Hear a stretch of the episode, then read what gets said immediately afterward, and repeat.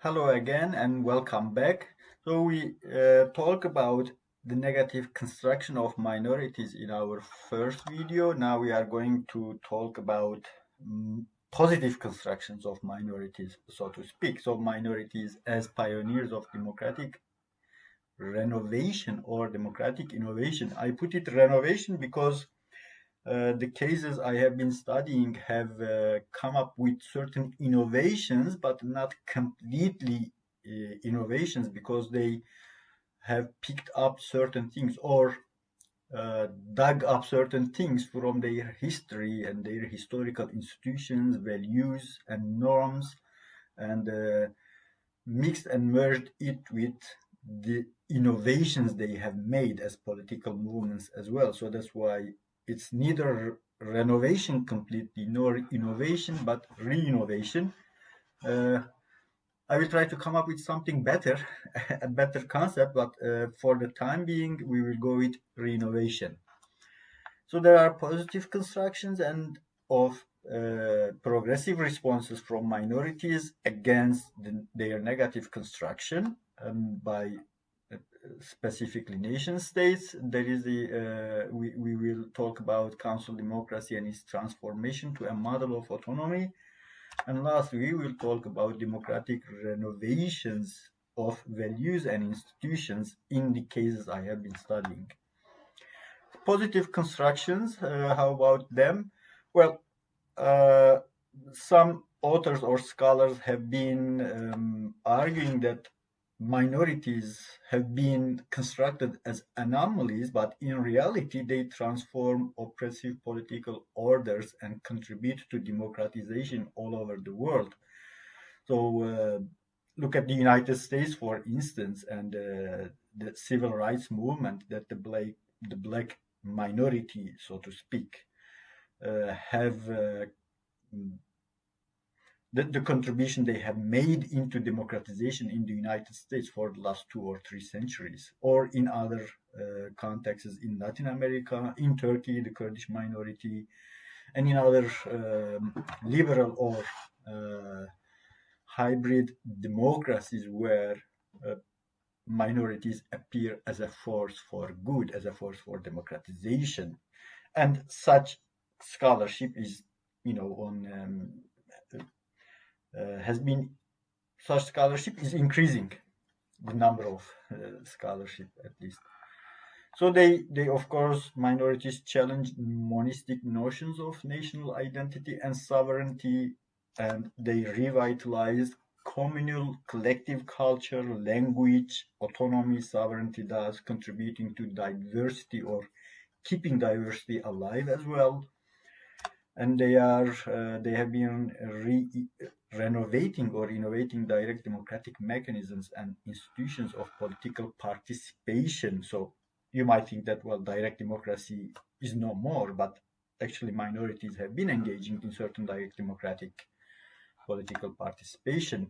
They also create progressive alternatives. So there are new models of autonomy that I'm going to speak uh, that has been that have been established by minorities and the, the, there are more democratic forms of uh, and these new models of autonomy are not only for minorities there also can be actually more democratic forms of government for all. So council democracy and its transformation to a model of autonomy we are coming to our specific uh, theme Council democracy is a form of government alternative to representative democracy. It's based on small-scale public assemblies, like these assemblies are open to all dwellers or to all, citizens, all citizens, and councils of delegates instead of centralized parliaments comprised of few hundred representatives. The difference between delegates and representatives is just put it simply, the community or the assembly can call delegates anytime and they can uh, end their uh, let's say uh, and their uh,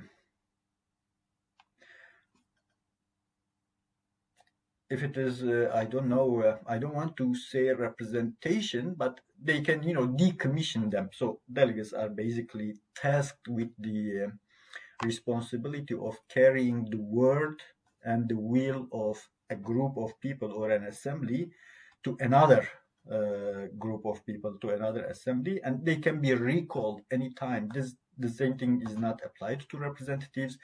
They are elected for a period of time and unless they commit a crime for instance uh, it, it, will depend in the context on the context of course unless they are uh, they complete they commit a crime that is not compatible with the task of being a representative, then they will stay in their, uh, they will be, they will continue being a representative of that community or that constituency until the end of that election per period. So uh, assemblies and councils embody power to the people. So power to the people is not only a slogan, it, it has its own institutions and these assemblies and councils are actually the institutions of power to the people political participation and public freedom exercised directly in these institutions. So uh, ideally, there will be no political parties in a setting of council democracy, no professional politicians, no payment for public work, uh, although the cases differ. But council democracy as a form of government has never been established in a state or in a in a large scale as uh, we can see in nation states in history because they have fallen prey to party politics in nation states, especially in modern times. I'm referring to modern times, of course, but in the past, uh, there will be uh, some um, forms of council democracy or some forms of direct democracy in the before modernity in ancient times or in uh, medieval city states.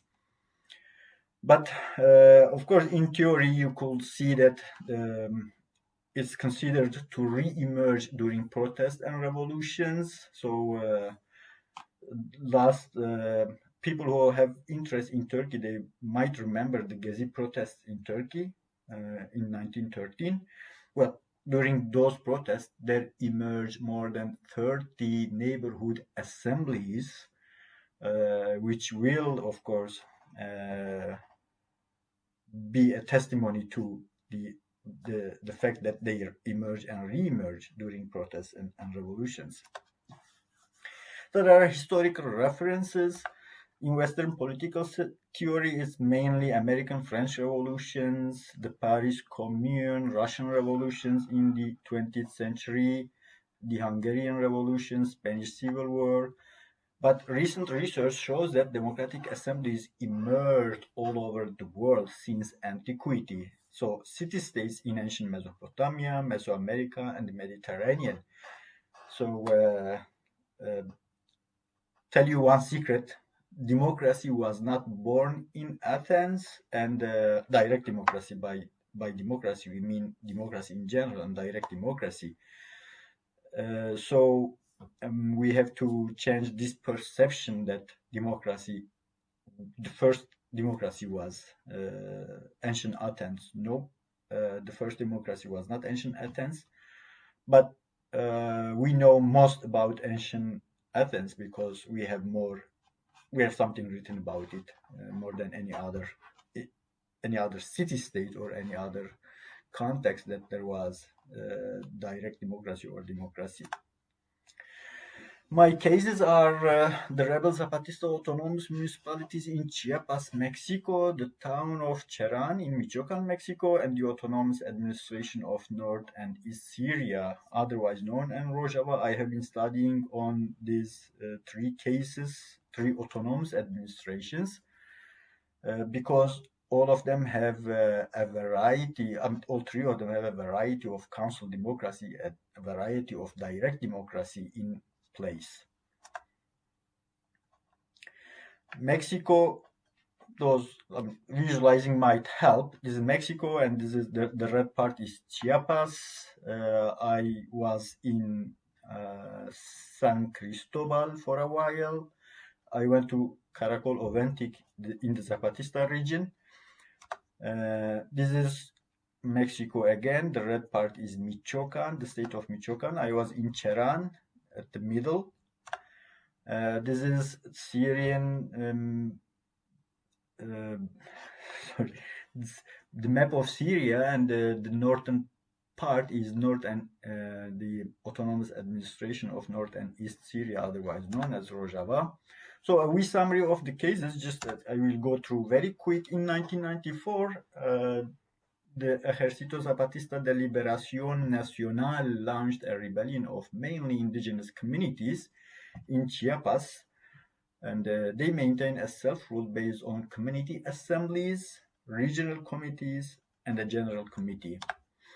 In 2011, led by women, the people of Cheran, a town in Michoacan, Mexico, drove the organized crime out of the town and political parties as well, not only the organized crime.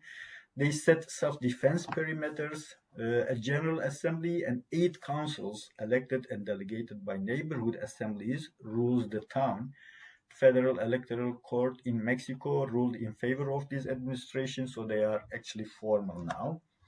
And in 2012, Syrian regime withdrew from Rojava to protect other parts of the, the country, which they deemed more important than the Kurdish region, of course, uh, which is otherwise known as Western Kurdistan. Kurdish political organizations then took over public offices, established self-defense forces, declared autonomy. Uh, they have been attacked by the Islamic State and Turkey since, but they maintain an autonomous administration based on communes, assemblies, councils in Kurdish and non-Kurdish areas. So uh, what is new about them? All three originate, uh, or what is common about them and new of, of course, all three originate in liberation movements with socialist, anarchist, and radical democratic pedigree.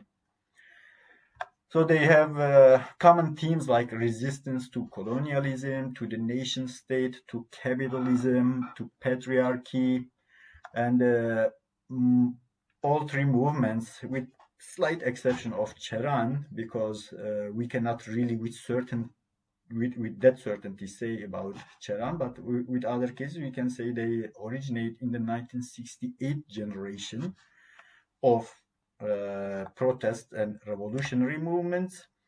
So all three cases, again, they have no strict adherence to a single political ideology. So unlike all other revolutionary movements or nationalist liberation movements or national liberation movements or uh, whatever movement you can think of, uh, these three cases are different because they don't have a very strict ideology and they are homemade synthesis of multiple ideologies. We can uh, count, but uh, let's pass because we won't have time to dwell on it much. So there are differences in scale in political ambitions. We have to see um, the the case of Cheran is a small town. Uh, maybe you can have a look at it um, after the after the class we will have the um, the slides with you. So I will just pass over this. Uh, it's important but to emphasize that Cheran and, and the Zapatista region they operate from within the Mexican constitution. So they don't have the aim of changing the whole constitution or um, um, let's say uh, reforming the whole constitution in Mexico. They refer to the Mexican constitution as the basis of their uh, establishment, their autonomous administration. But the case of Rojava differs. It operates from without the constitution of Syria because basically Syrian and the predecessor of the Rojava, uh, let's say, um, the, the project that is being implemented in Rojava originates from Turkey and both the Turkish and Syrian constitutions are, are uh, to put it more blunt, to put it bluntly, let's say, they are racist constitutions because they prioritize the Turks and the Arabs. Uh, so, for for the case of Rojava, they will have to uh, replace the old constitution with a new one in order to survive. And also, of course, the um, indigenous uh, groups, indigenous peoples uh, are being more, uh, let's say, um, there is more leniency towards them in domestic and international law because they are not national minorities uh, in the sense that uh, there aren't competing um, claims to a homeland between different nations. So they are not traditionally national liberation movements because indigenous peoples as groups tend to be smaller and territories tend to be uh, mm, smaller as well. So the leniency towards the uh, indigenous movements make their claims much more acceptable to domestic and, of course, international institutions and authorities, while uh, in the case of national liberation movements, it's not that, uh, let's say, uh, I won't say easy, but it, it doesn't doesn't happen that um, smoothly. So uh, we can talk about it in the question and answer section. So how does then uh, from the council democracy as we referred to it as a system based on small scale council we we we uh, trans so these movements transform this form of government into a form of autonomy? Well in the in the case of chiapas and rojava the most important element is to point out is the contact of revolutionaries with Mayan and Kurdish communities. These two movements um, uh, have very good connections with the people on the ground and uh, and of course these connections with the people on the ground changed the revolutionaries so the revolutionaries had to after their communication or contact with people felt the necessity to change their own top-down mentality of revolution, uh, bringing a revolution or carrying out a revolution. So they are humbled by communities and they adapt their programs to what they see and they experience on the ground. And uh, all of these cases, you can see that in the formation of these autonomous administrations, there is a civilian consultation before armed uprising going on, both in the case of Rojava and the Zapatistas, and in the case of uh, Cherán, because it's a different case, Cherán, they didn't, they don't have a guerrilla force, the, but even in their case, uh, they had they had a consultation before setting up uh, the uh, the self-defense of the community, which they call Ronda Comunitaria in Cherán. They all abandoned the goal of seizing state power. So it's unthinkable for revolutionary movements or for national liberation movements to, uh, let's say, uh, forego or to let go of the goal, the ultimate goal of seizing state and becoming uh, the authority, the political authority within a state. So for any traditional or um, mainstream national liberation or revolutionary movement, this is unthink unthinkable. But along the way, they let go of this goal. So the uh, the goal is not seizing state power, toppling the government, and sitting in their seat. It's uh, now um, constructing, establishing, or constituting uh, autonomy from below uh, through bottom-up institutions, through direct participation, through self-defense, and offering solution to centuries-old problems. In all of these cases, uh, that mm, I was able to to see that a clear understanding of uh, providing solution to certain problems, get them uh, to the communities, uh, removes the barriers between the revolutionaries and the communities, so they they can uh, be accepted by the communities. And there is also community control over natural resources. Autonomy through, through councils, why? Well, because autonomy empowers communities, minorities can make their own laws, but this is not enough because uh, because individuals uh, can be, let's say, um, oppressed or repressed by communities. So direct democracy comes in as uh, it it provides individuals with with power. It empowers individuals with uh, with their presence in assemblies and councils when these decisions are made. So direct democracy empowers individuals, autonomy empowers communities. And small scale councils and assemblies, you know, they create uh, plural centers of power. So the less, the more centers of power, the less domination. This is in political theory. It has been known by, true and by many authors and, and thinkers and practitioners as well. So there are also values and institutions that come out of these three cases, as we can say, innovations and renovations. First, uh, there is no or little payment for public office to prevent political careerism, to prevent the birth or the, uh, let's say, dominance of a political class, a political elite. And there is no supreme leader uh, in, in all of these cases, although there might be, like in the case of Rojava, a, a figure, a spiritual leader. Uh, in case of Rojava as well, there are political parties, but their power is is diminished. But in Cheran and in, in the Zapatista region, there are no political parties. So this is an, an innovation in political organization. Prioritizing gender equality and women emancipation, it comes again uh, as a as an important innovation and renovation as well, because they uh, these political movements and the people who are within this administration will claim that well, it used to be the case before modernization or before colonialism, and they are now reinstituting this gender equality between uh, between two sexes. So uh, there, in the case of Rojava, there are also like councils, armed forces, and the veto rights of women uh, organizations. Um, women-only councils and armed forces are there. The TV channels, magazines, news agencies.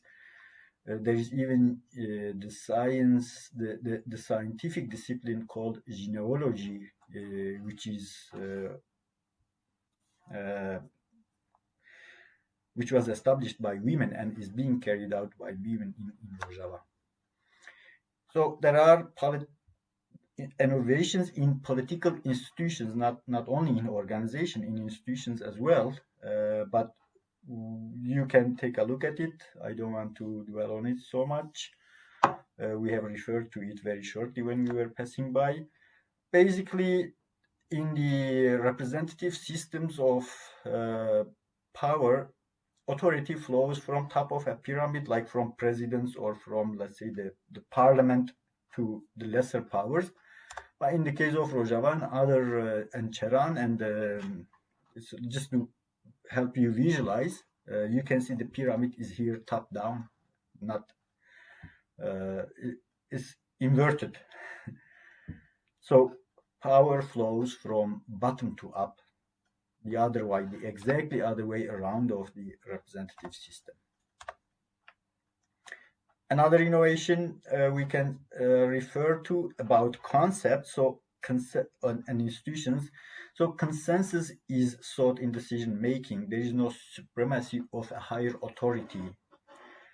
Uh, autonomy, not sovereignty, is being the, the claim made here. They don't make a claim to sovereignty. They think sovereignty is uh, not really a useful or a helpful concept. Plurality and diversity in collective political identities uh, coming for instead of a homogenized, you know, they don't talk about a homogenized nation or uh, a people or, or, or the nation as a collective identity. A world so, sorry, many worlds within one world, uh, or with the peoples. That uh, these are certain innovations that we see in, only in these um, autonomous administrations. There is also ecology, cosmovision, but we don't have much time to dwell on them. And uh, coexistence, all of these autonomous administrations, instead of trying to get rid of the state, they try, they say, well, the important thing is to uh, coexist. So although uh, we would like to establish a new system of rule and government. We do not have the aim to just, you know, abolish all the states at once and bring this change will happen slowly. So coexistence is, is important. And I specifically ask if they will lay down their arms uh, in certain context.